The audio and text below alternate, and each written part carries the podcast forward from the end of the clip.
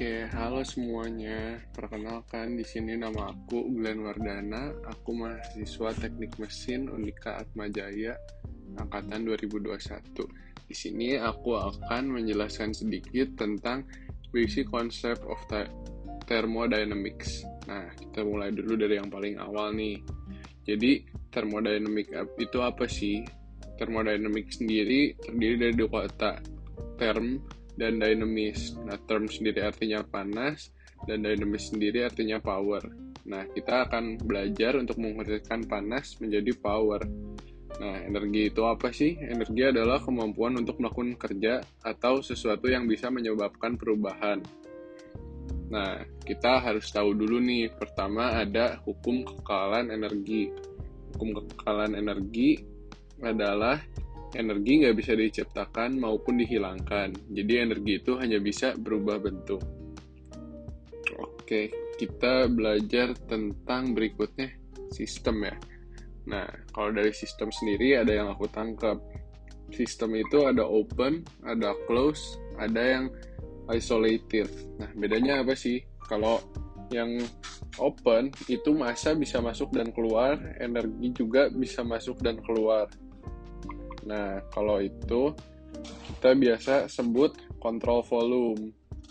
Nah, ada yang kedua itu yang close. Yang close system itu masa nggak bisa masuk dan keluar, tapi energi bisa masuk dan keluar. Nah, biasa kita sebut control mesh system.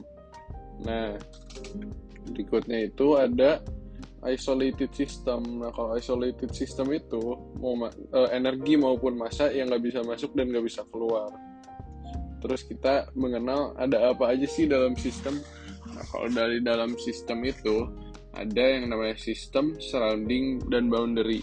Nah jadi sistem itu sendiri adalah sesuatu yang kita uji. Misalkan pada dalam kamar. Nah, sistemnya itu kita surroundingnya itu ya sekitar di kamar kita. Sedangkan boundary-nya sendiri adalah tembok gitu Oke, kita lanjutkan tentang intensive properties dan extensive properties. Intensive properties sendiri ada properti yang independen dan tidak tergantung terhadap massa.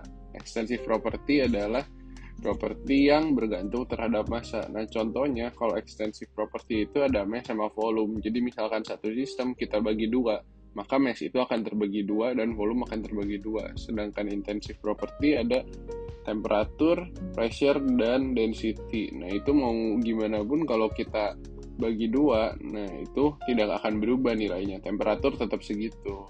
Jadi itu tentang properti. Nah, jadi ada yang yang mau aku jelasin lagi si law of thermodynamic. Nah, jadi itu tuh kalau ada badan satu dan badan dua dan masing-masing thermal equilibrium dengan yang ketiga, berarti yang body 1 dan 2 juga dalam posisi thermal equilibrium. Oke, jadi segitu aja buat hari ini. Thank you semuanya yang udah dengerin.